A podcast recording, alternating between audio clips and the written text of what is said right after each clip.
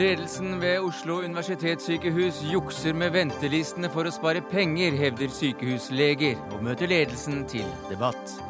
Småsparere tapte mot Storebrand i Høyesterett. At retten godkjenner lureri er til å bli vettskremt av, sier sjefredaktøren i Dine Penger. Røde Kors med konvoi inn i det krigsherjede Syria, men er stoppet nå foran bydelen der de hardeste kampene har rast. Og om ikke Putin klarer å skape en bedre framtid, så jobber han hardt nok for å gi folk en lysere fortid. Kampen om historien er viktig foran presidentvalget på søndag.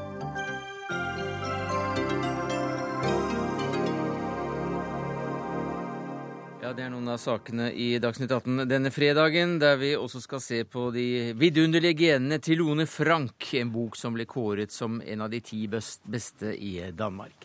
Men eh, som vi har hørt i nyhetene, så skal altså Oslo universitetssykehus ha jukset bevisst med ventelistene for å spare penger.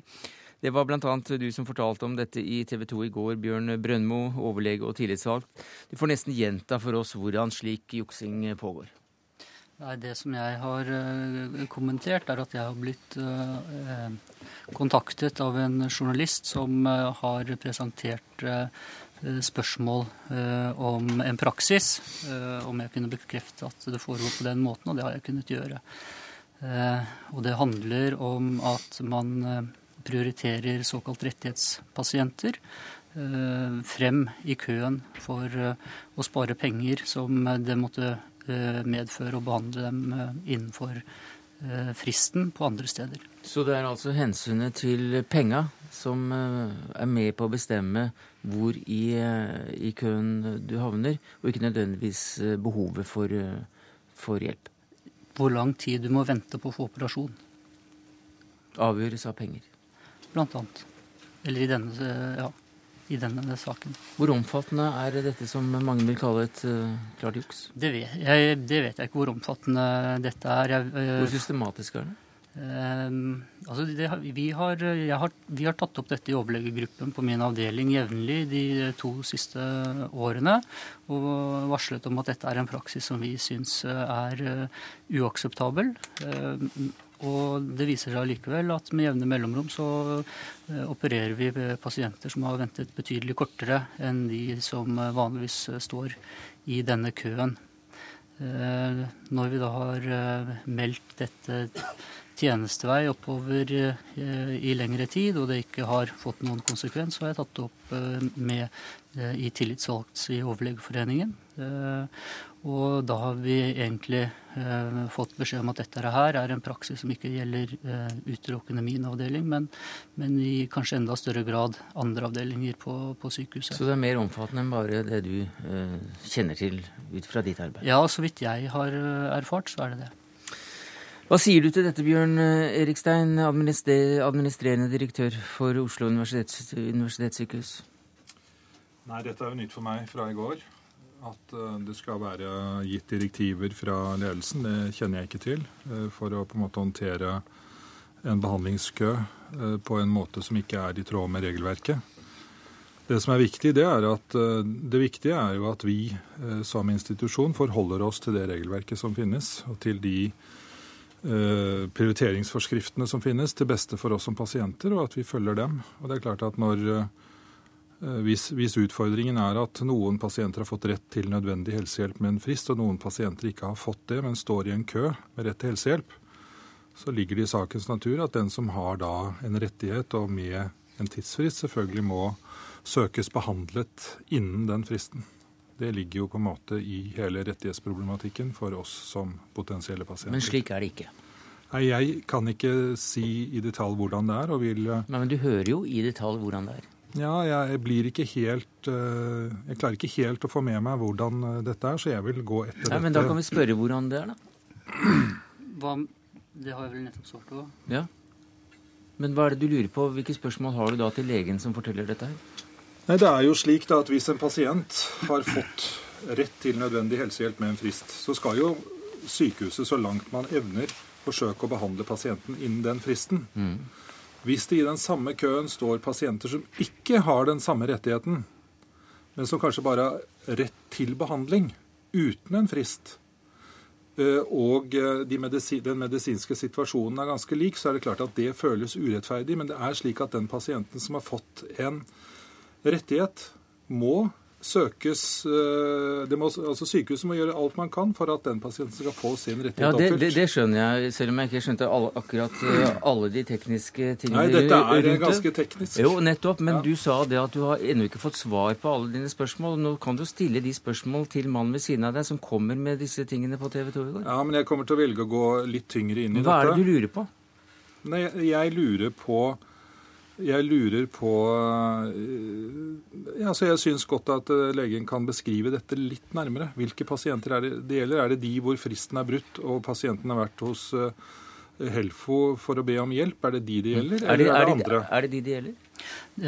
I hovedsak så er det vel pasienter som har kontaktet Helfo det gjelder. I 2011 var det tolv ja, pasienter. Hvilket svar ga, ga det? Ga det deg mer mening? Ja, altså i, I 2011 var det tolv pasienter i denne gruppen som kontaktet Helfo for å få hjelp fordi fristen hadde gått ut. Da kontakter Helfo oss, for det, det er slik de gjør det, og spør er det sånn at dere kan hjelpe pasienten, eller kan dere ikke hjelpe pasienten. Og I ti av tilfellene kunne vi hjelpe pasienten da innenfor en meget kort frist når vi fikk den henvendelsen. Er det slik? Ja, det, da er det jo slik at man, da, man vent, altså, da har man valgt å prioritere disse pasientene som har kommet via Helfo. På bekostning Og via Helfo, det betyr? Via Helfo, det betyr pasienter som har klaget på et fristbrudd. Mm. Mm. Så da har de blitt prioritert opp i køen og blitt operert på neste mulige operasjonstid. Kari Kjos, medlem i helse- og omsorgskomiteen for Frp. Det er litt vanskelig å henge med i svingene her, for det blir nødvendigvis forholdsvis teknisk når to fagpersoner forteller om hva som skal til og kriterier osv., og, så videre, og de har sine egne De har sitt eget stammespråk, de som alle andre profesjoner. Men hva tenker du om det du hører? Vi har ikke fått uh, konkret uh, henvendelser om det som vi hørte på TV 2 i går, fra Eh, legehold, men vi får, i hvert fall jeg som politiker, får mange henvendelser om dette fra pasienter. Så for meg er dette på en måte ikke noe, noe, nytt. Og jeg satt jo i dette studioet for to år siden med Asker og Bærum. Og da skulle vi jo ha en gjennomgang på akkurat disse tingene. En intern gjennomgang. Jeg ønsket jo den gangen at vi skulle ta en ekstern gjennomgang på dette systemet. Poenget er at hvis du har fått en, eh, en, frist, så har du en rettighet, og det skal sykehuset holde seg innenfor den fristen. Hvis de ikke greier det, så kan pasienten få velge å operere i utlandet eller et annet sykehus, og den regningen går da tilbake til opprinnelsessykehuset. Denne regningen ønsker jo ikke sykehusene å ta, og da blir det de som er flinke til å klage, da vil sykehuset ta det inn allikevel, og allikevel greie det innenfor fristen. Og da skyver man på andre. Og Det er noe av grunnen til at vi senest i går kveld voterte over et forslag eh, i Stortinget. Det er litt underlig at det skjedde samtidig, for i Stortinget i går så hadde jo opposisjonen et forslag om at det var Helfo som skulle ha kontrollen på dette og passe på eh, disse fristbruddene, og ikke sykehusene selv. Det ble nedstemt av regjeringen. Sånn at vi er klar over at dette er en problemstilling. Så det er ikke noe nytt sånn sett. Kunne det vært en idé å, å løfte dette ut av sykehusene og, og, heller inn i denne organisasjonen eller instansen Helfo, som altså tar opp uh, slike spørsmål? Uh, og nå ser jeg på deg, men jeg får nesten presentere deg også som uh, helsepolitisk talsmann for, for, Arbeiderpartiet. Bjørn, et øyeblikk jeg er litt ute å kjøre her. Thomas Breen heter du selvfølgelig. Det kan godt være at vi skal se på systemet i stort, om hvordan det er rigga. Det som er viktig for meg å si i forhold til de påstandene som kommer nå fra ansatte ved OUS, det er at det er det er såpass alvorlig da, at det er viktig for meg å vite hva som er realiteten. og Derfor er jeg veldig glad for at både fylkeslegen og direktøren har sagt at dette skal de gå inn i og få på bordet. Fordi det er, Hvis det er sånn det fremstilles, at man da på økonomisk grunnlag og ikke medisinsk grunnlag forrykker rettighetskøene, så er det noe som ikke kan og skal forekomme. Når det er sagt, så er det viktigste i forhold til de pasientene som har frister, og økonomiske intensiver, for jeg har også sett andre kommentert det i dag. For ethvert sykehus er det sånn at den beste økonomiske eh, situasjonen man kan ha, er jo å unngå å bryte fristene man har. Sånn at eh, det å komme ned mot null på, på eh, ventelistene med frister, det er jo det mest økonomisk smarte. Mm. Og klarer man det, så har man jo langt på vei kvitt det intensivet man her har. Og eh, til det å si, så er det sånn at vi har halvert antall fristbrudd i løpet av sittende statsrådsperiode, og det er viktig å ha med seg også. Den debatten tar vi ikke akkurat nå. Men Aslak Syse, som medisiner og jurist, så uttalte du deg også på TV 2 i går, og du sa det både var ulovlige og kritikkverdige forhold. Hva er det som er så ulovlig med det? Det jeg sa i går, og som jeg fremdeles mener, er at det ulovlige er det systematiske dersom det gis instrukser. Og jeg fikk tilgang på noen e-poster i går før programmet som viste at det var gitt instrukser fra overordnet om eh, dette med at eh, folk som hadde klaget og hadde sine rettigheter i orden, skulle opereres. På den annen side så er det veldig viktig her å være klar over at eh, det systemet som Ullevål fungerer innafor, er omtrent bygd opp på den måten. Det er ikke folk uten frist som blir utsatt, men det er folk med frist som ikke klager. Det er en ganske stor mengde pasienter som ikke krever oppfyllelse når fristen er ute. Og det er ikke veldig påfallende at et sykehus velger å behandle de folkene som rent faktisk krever oppfyllelse, framfor de som rent faktisk ikke krever oppfyllelse. Men på, så er det da slik at dette systemet er sånn at bukken passer havresekken. Dette har vært pekt på en rekke ganger. Og riktignok var det votering i Stortinget i går, men eh, hele Stortinget har tidligere vært enige om at den ordningen som vi nå har, er den gode. Det som jeg lurer på om stortingsrepresentanten egentlig er klar over, er vil sykehusene tåle at alle får innfridd alle de rettighetene som de etter hvert er gitt? Og hvem skal da ordne i de køene, hvis det er slik at alle med kreftdiagnose skal behandles innenfor 20 dager? Hvis alle med frist skal behandles innenfor fristen, så vil det snart bli slik at den samhandlingsreformen som Stortinget vedtok, nemlig at man skulle legge større vekt på primærhelsetjenesten og mindre på sykehustjenesten, kommer til å gå i revers ved at det stadig er flere som vil ha spesialisthelsetjenester. Den... Det er ikke noe sammenheng mellom eh, politikken som man sier er overordna, og de kravene man tar med en gang noen mm. påpeker at det er feil. Men, men det, dette er også en overordnet uh, debattsyse, og den tar vi ikke i dag. Vi er forholdsvis konkrete og, og ser på akkurat forholdene ved Oslo universitetssykehus ja, når det gjelder Ja, ja konkrete. Nemlig at jeg ble gitt tilgang få instrukser som gikk på at folk skulle behandles fordi de hadde krevd oppfyllelse, uavhengig av om andre var dårligere. Og Det er altså det er systematikken i dette, og det sa jeg i går også, som er eh, det som er regelstridig. Jeg vil nesten få inn direktøren for å svare på dette, Bjørn Rikstein.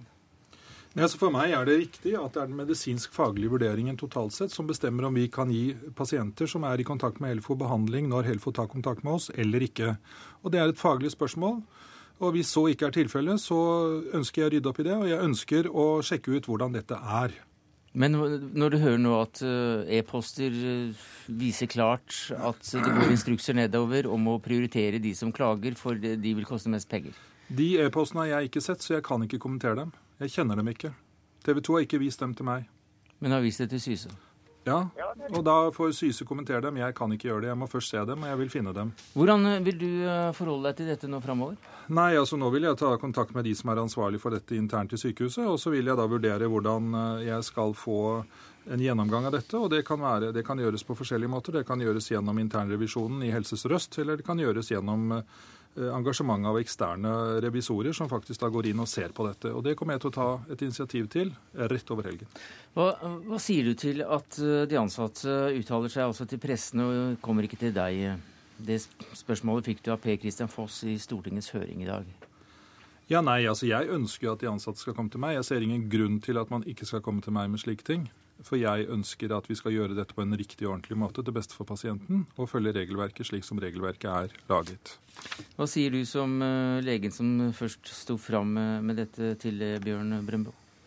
Jeg har ikke gått til pressen. Jeg har svart på en henvendelse fra en journalist. Men Stiller du de opplysningene du sitter på til rådighet for, for ledelsen og direktøren som sitter ved siden av deg? Ja, men det har jeg jo sagt tidligere her, at dette her har, har jeg som tillitsvalgt satt opp med min sjef jevnlig over den siste toårsperioden. Jeg vet helt konkret at han har diskutert med sin leder igjen og uh, det er også diskutert i, uh, i tillitsmannsapparatet i Overlegeforeningen på jevnlige klinikkmøter som vi har hatt. Og da har vi funnet ut at dette er en problemstilling som ikke var unik for min avdeling, men også de andre avdelingene. Men er du kjent med om direktøren har visst om dette? jeg, ikke, jeg, jeg, tviler på at Erik Stein har visst om dette. Mm. Takk skal du ha, Bjørn Erikstein, direktør ved Oslo universitetssykehus, til Kari Kjos, medlem i helse- og omsorgskomiteen, Bjørn Brembo, overlege og tillitsvalgt for eh, overlegene på plastisk kirurgisk avdeling ved Oslo universitetssykehus, og til deg, Thomas Breen, Aps helsepolitiske talsmann, og på telefon Aslak Syse, jusprofessor og lege.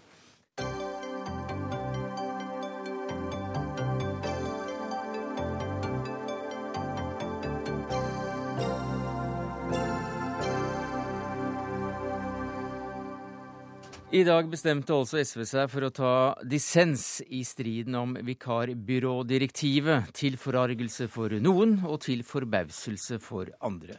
SVs arbeidspolitiske talskvinne Karin Andersen forklarte hvorfor til Dagsrevyen tidligere i dag. Her har vi jo eh, over 1,3 norske, millioner norske arbeidstakere på vår side som er enig med oss i at eh, dette vikarbyrådirektivet ikke er noe gode for norsk arbeidsliv, og at vi risikerer at mange flere må jobbe som vikar framover, hvis vi sier ja. Og dermed så blir det altså et nei fra SV til dette direktivet, Magnus Takvam. Og det skjer allerede neste uke, er det varslet. Du er politisk kommentator i NRK. Hva slags sak er dette blitt for de rød-grønne nå? Det er jo blitt en uh, større problemsak enn de fleste trodde. Eh, LO gikk opprinnelig i sin høringsuttalelse uh, riktignok kritisk inn for dette, men så tok det hele av. Fellesforbundets landsmøte vedtok å gå mot direktivet og kreve veto osv., og, så og så har snøballen rullet. og nå har de fleste faktisk regnet med at f.eks. SV ville ta dissens. Den virkelige skal vi si, beviset på hvem som har rett i denne debatten, vil vi jo få når dette direktivet blir implementert. Og om det faktisk viser seg at eh, EFTA-domstolen da eh, forandrer eller ikke godtar de norske restriksjonene i arbeidsmiljøloven, så hvis man tenker seg teoretisk at det kommer til å skje, så vil noen si at vi har rett, eller omvendt. Mm. Så den uh, testen får vi jo seinere. For dette direktivet sier jo noe om at uh, også vikarer skal uh, bli like behandlet som fast ansatte.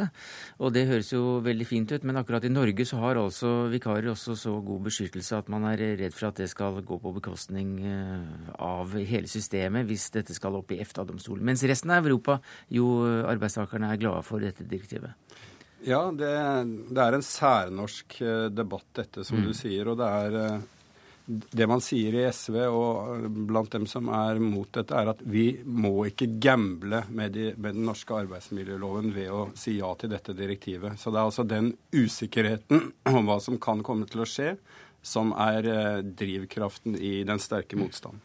Men nå sier altså SV nei, og det kan jo tenkes da, og det er vel ikke helt øh usannsynlig at dette anti-EØS-partiet Senterpartiet også vil si nei, og da blir Arbeiderpartiet alene om å fronte dette i regjering. Hva skjer da? Ja, Senterpartiet sitter i dette øyeblikk i møter for å avgjøre eh, om de skal eh, ta dissens eller ikke. Og eh, bare for å ha sagt det, det er, ikke gitt at de kommer til å gjøre det. For dette mm. er ikke en sak som brenner i deres bakland på den måten som, som andre EU-saker gjør. Men det er klart, styrkeforholdet i regjering er rett og slett slik at for Arbeiderpartiet så, altså, så de har makten i denne typen saker. Men da må jo regjeringen over på den andre siden og til de borgerlige for å hente et flertall?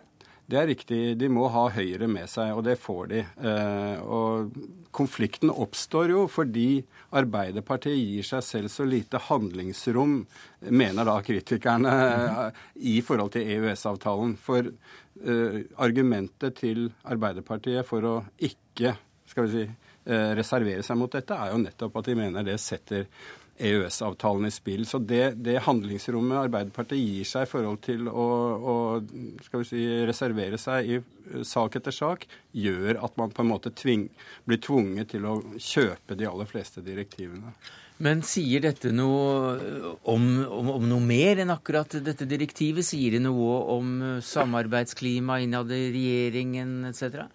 Det sier jo noe om at EU eh, e og EØS-relaterte eh, e saker er blitt veldig vanskelig. Eh, ikke sant? Vi har hatt utredningen om EØS-avtalen, hvor dynamisk den har vært. Sånn at motstanden blir sterk fordi da EØS-avtalen ble inngått, så var det ingen som regnet med at norsk arbeidslivsbestemmelse skulle bli bestemt av andre. Sånn at jeg tror vi kommer til å, å, se sak etter sak som kan bli veldig vanskelig av den grunn. Takk skal du ha, Magnus Takvam, politisk kommentator i NRK.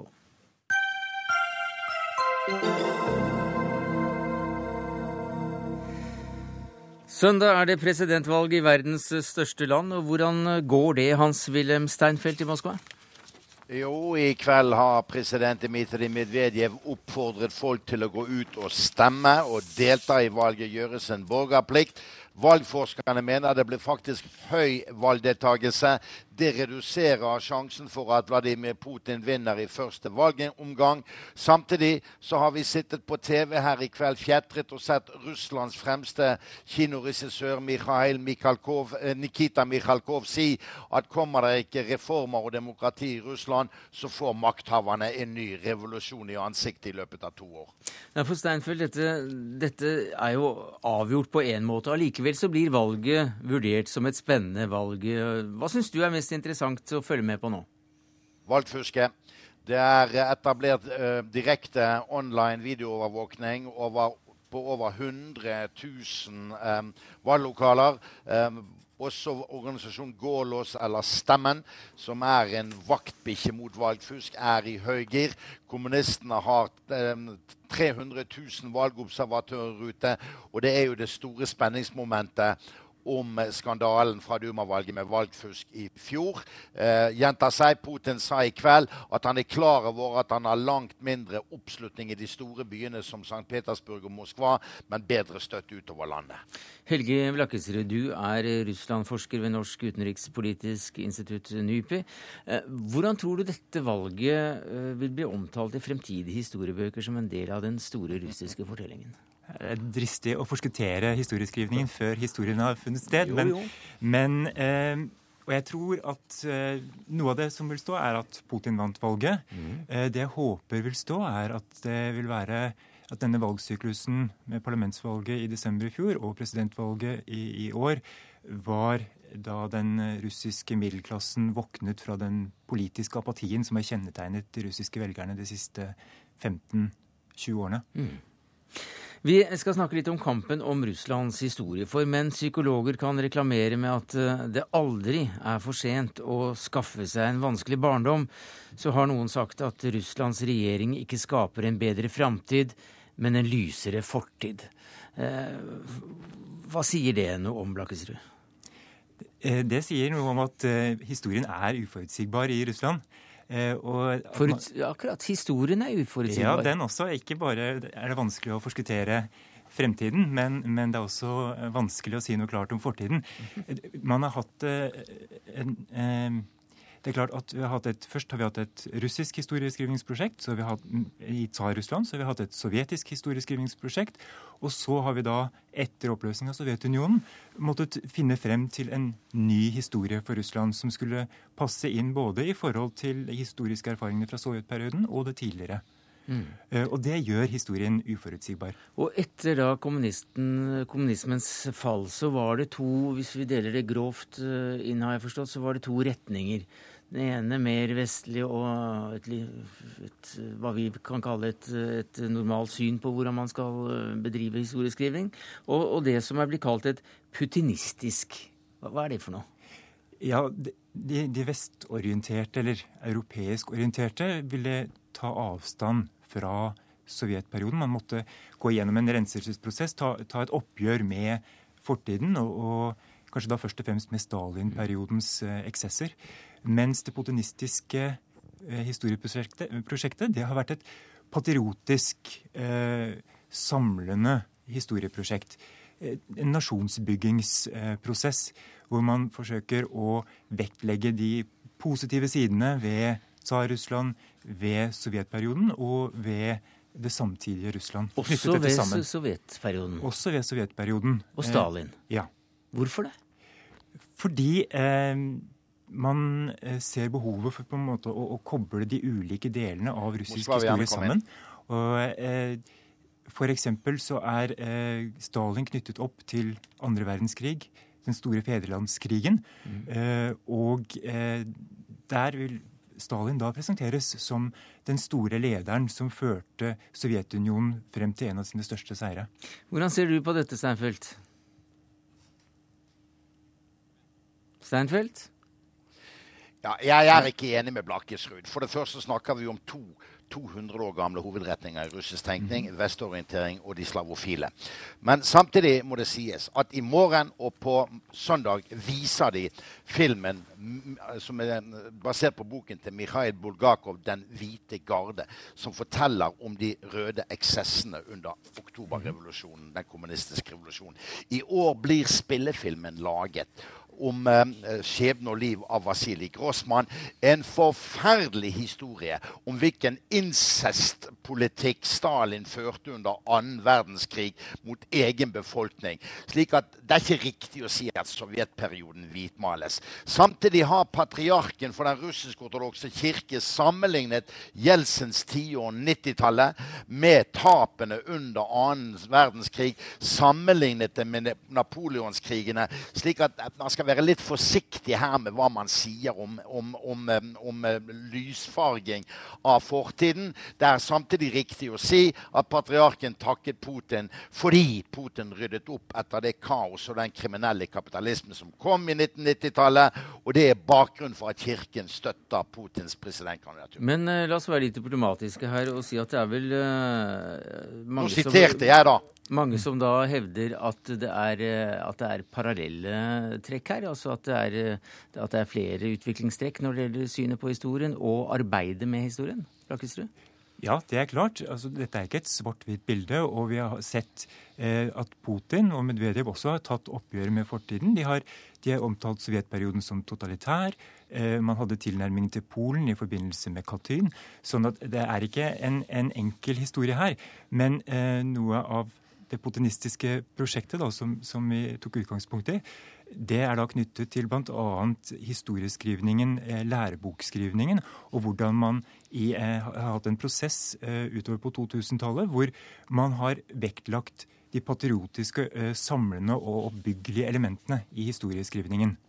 Men hvorfor er det viktig hele tiden å, å vise at at staten, eh, statsbærende, om det er et eh, parti eller en tsar, har hatt rett, så å si? For det er dette som knytter den russiske, eh, den russiske staten, eller det russiske folket, sammen. Og dermed så, så, har man da fokusert på å rettferdiggjøre statslederne. Ikke 100 og, og som sagt, det er, dette er ikke et rent svart-hvitt bilde, men man har tonet ned negative aspekter. Man har fremhevet det positive samlende fordi man ønsker å fremdyrke en, en russisk patriotisme. Mm. Hans-Wilhelm Steinfeld, 'Forvirringens tid'. Det var navnet på din siste bok, og refererer nettopp til, til dette vakuumet som kom etter Sovjetunionens fall, og der man også lette etter en, etter en identitet. Er disse, dette prosjektet, Putin-prosjektet, for å skrive om deler av historien, eller å å gjøre sin versjon av historien eh, bedre markedsført en del av det? Ja, gud bedre, men vi kan gå til norsk nasjonsbygging på 1800-tallet og nasjonalromantikken. Ja. Hvor vi kalte 400 år under Danmark for 400-årsnatten. Og lot som ingenting skjedde i den dansk-norske helstaten. Det er ikke um, prinsipielt annerledes, det som skjer her. Men det er klart at når Lenin ble sendt på søppeldyngen fra 1992, uh, og kirken kom inn igjen, så oppsto det et, verdivak et verdivakuum etter den bolsjevikiske ideologien. Og da famler man i mørket når man griper tilbake. I 1989 sa en arbeider på den første folkekongressen Ro dere ned, kamerater. Husk vi er verdens eneste land med den uforutsigbare fortid. Men det er blitt betydelig bedre med russisk historieskrivning enn det var for 20 år siden. Ja, det, det er jeg enig i. Eh, men Én ting er den akademiske historieskrivningen. Vi har også den populærhistoriske eh, historieskrivningen. Og så har vi den oppbyggelige, om man vil. Eh, den patriotiske, som, som, da har preget en del av bøkene som benyttes i skoleverket. Som Steinfeld eh, sier, dette er ikke noe unikt russisk fenomen. Vi har eh, absolutt eh, tatt del i en, et patriotisk eh, nasjonalt historiebyggings- eller historieskrivningsprosjekt i Norge også. Eh, og, og, dette er noe, også, noe, vi også ser i de øvrige postsovjetiske mm. republikkene. At man eh, griper tilbake til historien, prøver å finne frem til historiske helter, eh, samlende eh, perioder eller hendelser for å, for å bygge opp eh, troen eh, på en lysere fremtid i, i staten. Nei, for eh, Hvis da dette forvirringens tid eh, også, også, var på slutten av, av 90-tallet, 90 så snakkes det om et sug nedenfra i denne perioden, eh, perioden her. Hva slags sug var det, og fra hvem? Jeg tror at store deler av den russiske befolkningen følte eh, et vakuum etter Sovjetunionens oppløsning. I mange av de andre tidligere sovjetrepublikkene så kunne man mobilisere mot Moskva, mot russerne, mot den sovjetiske historien. Mens for russerne så var dette så tett sammenvevd med deres egen eh, identitet og historie at, at det var vanskelig uh, å, å, skape en, en ny nasjonal uh, identitet umiddelbart. Så eh, da fikk man en forvirringens tid. Man fikk en, en periode med Eh, imperieoppløsning, moralsk oppløsning, økonomisk oppløsning. Og så kommer da Putin med sitt prosjekt fra årtusenskiftet, hvor han tilbyr en litt postmodernistisk eh, samling av det nåværende Russland, det sovjetiske og det eh, tsaristiske, setter det sammen til en helhet og sier at nå skal vi igjen være stolte av staten vår. Hans-Wilhelm Steinfeld eh, til slutt her. Ser folket lysere på fortiden nå med uh, Putin i forhold til Jeltsin?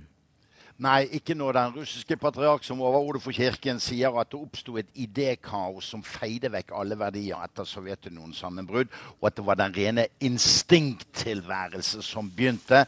Og når 40% av russerne lever under grensen for eksistensminimum, så er ikke det den lyse fremtid de ser foran seg på søndag når de går og stemmer. Problemet er at den politiske kultur blant vanlige folk er såpass autoritær fremdeles at det ikke er noe ryggmargsrefleks som sier at de som har styrt landet i tolv år, må politisk ansvarliggjøres. Derfor stemmer folk Putin. De stemmer på makten som rår. Takk skal du ha, Hans-Wilhelm Steinfeld i Moskva, og til deg, Helge Blakkesrud, russlandsforsker ved Norsk utenrikspolitisk institutt.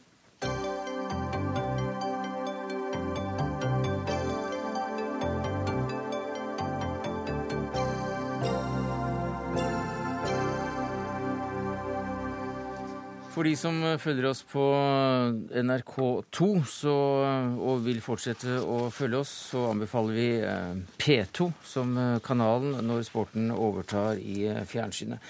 Tirsdag forkastet Høyesterett anken fra far og sønn Lognvik i saken mot Storebrand, og den skal vi snakke litt om nå, den eh, avgjørelsen. For selskapet lånte også familien penger for å investere i et forholdsvis komplisert spareprodukt.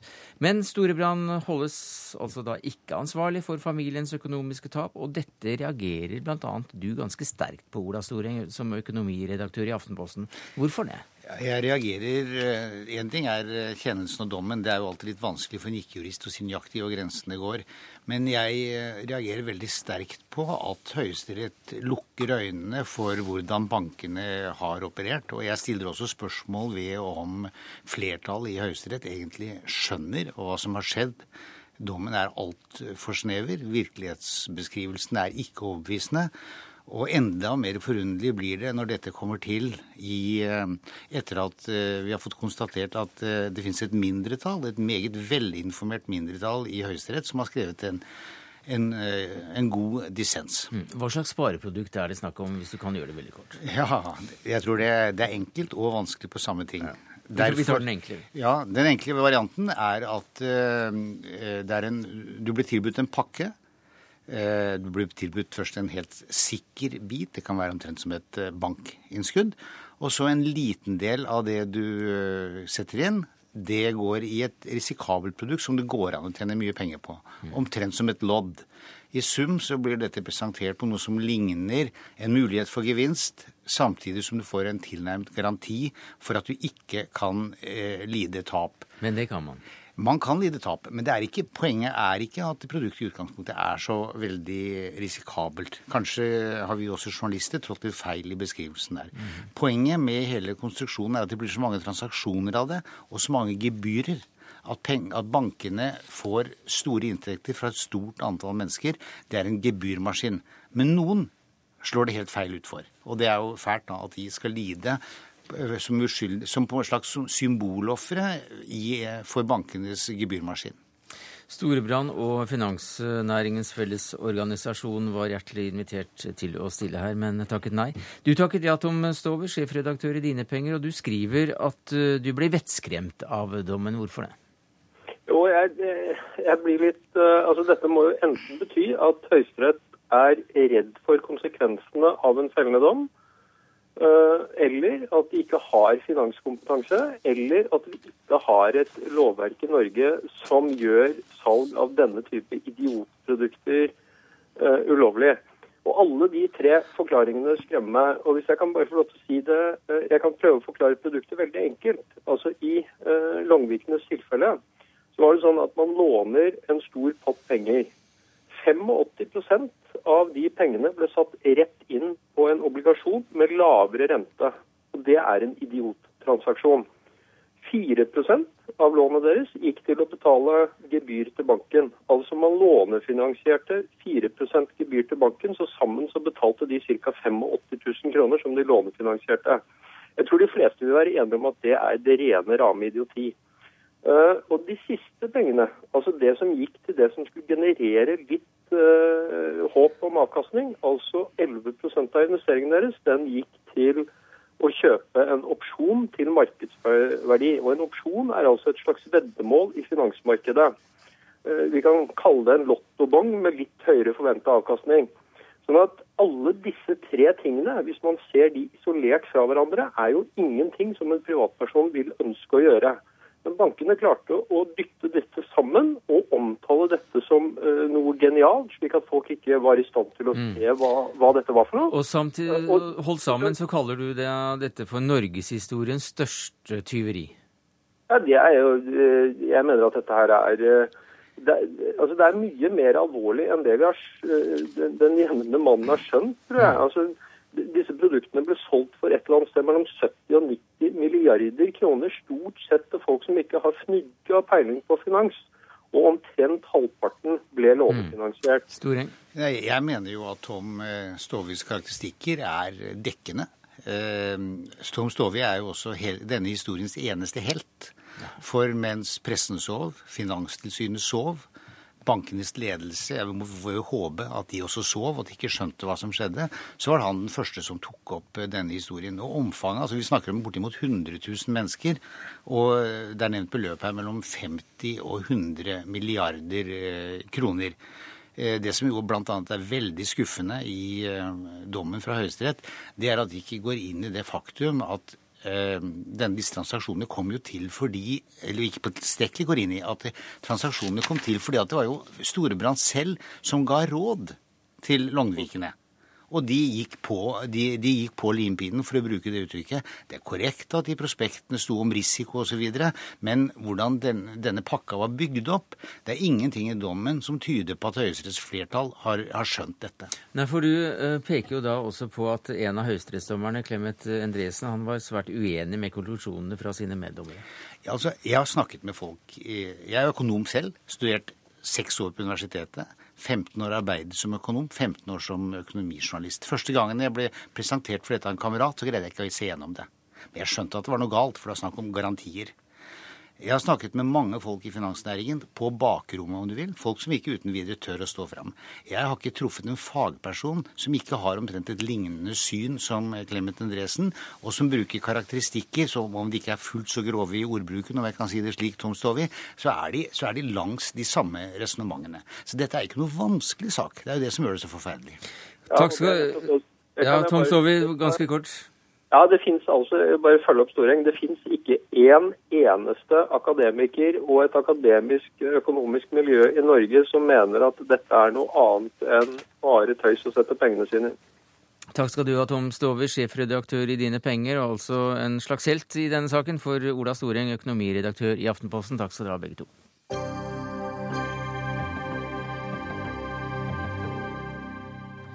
Syriske myndigheter har gitt Røde Kors eh, lov til å sende humanitær hjelp til byen Homs. Sigurd Falkenberg Mikkelsen, du er Midtøsten-korrespondent for NRK. Eh, hva er årsaken til at Syria sier ja til en slik hjelp nå? Nei, Jeg antar at det er fordi de har nå vunnet en militær seier. og Dermed er det lettere for dem å slippe inn Røde Kors, og at de har kalkulert med dette. At de nå ikke lenger risikerer en konflikt som drar ut. Eh, og det er jo et beleiring som har pågått i snart en måned, som nå er over, med svært store lidelser for sivilbefolkningen. Sven Mollekleiv, president i Norges Røde Kors. Sist vi hørte om konvoien, så var den blitt stoppet før bydelen Baba Amr. Eller i bydelen, fikk ikke komme inn i de, de innerste områdene der nøden er størst. Hva er situasjonen nå?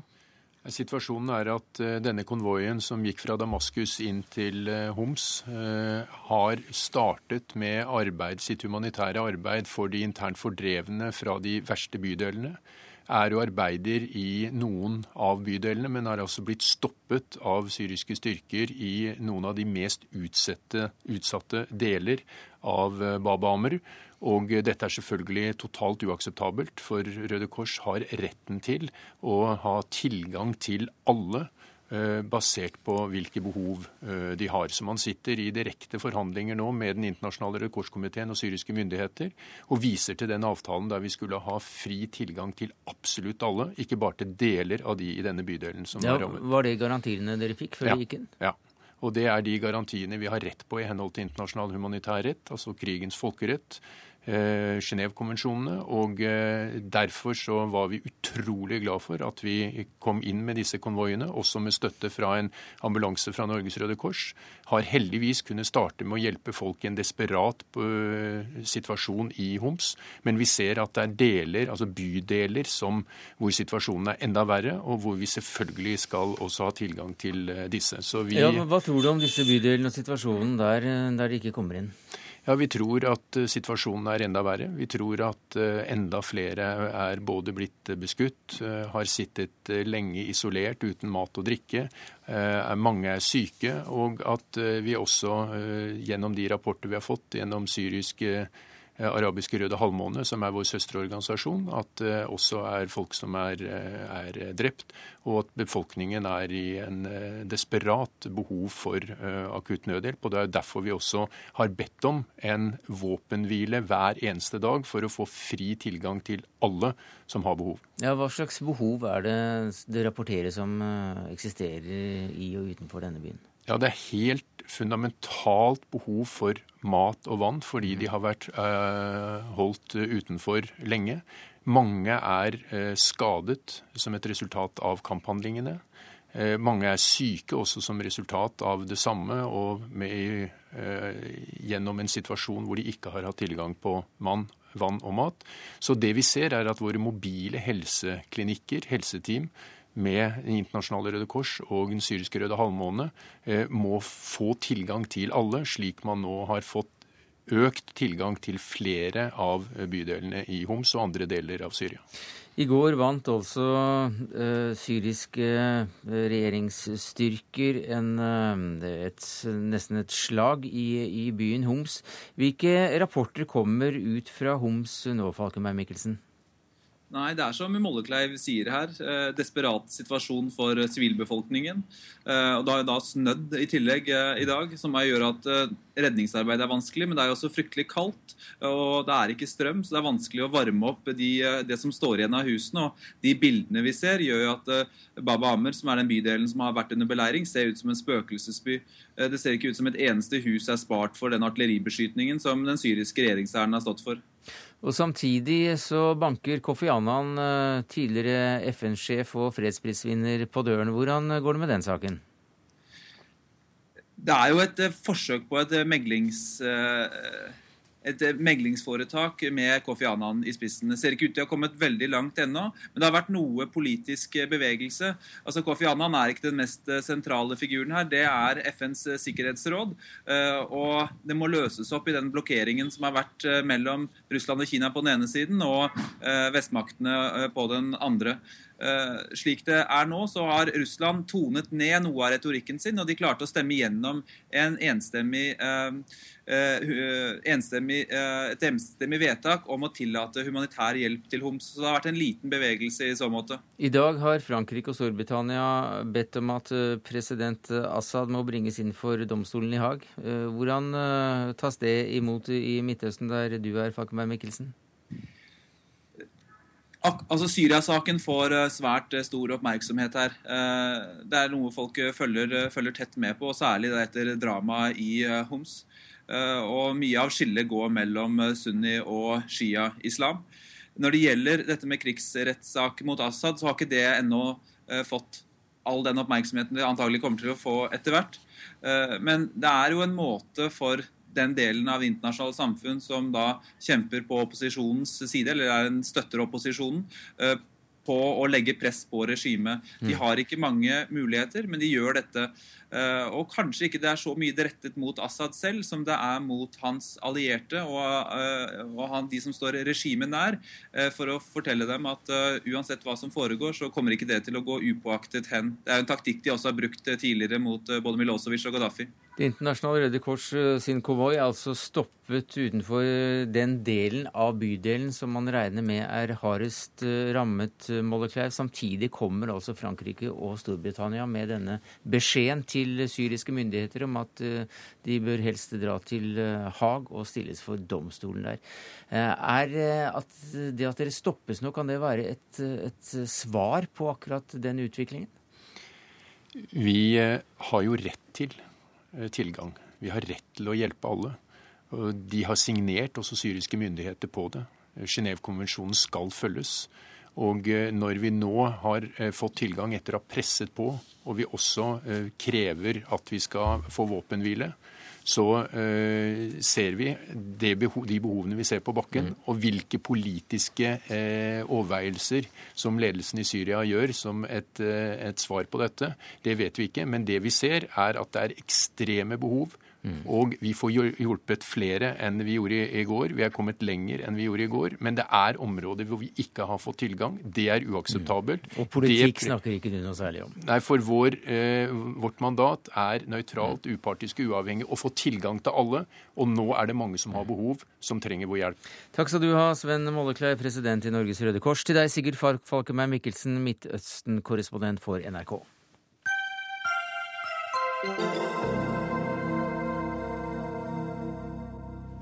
Alle engler bør gentestes, eh, slår en annonse fast, og under da et bilde av et barn med englevinger. Ikke som reklame for hoffleverandøren av fjær, men eh, sakset fra en dansk annonse for et gentestingsfirma.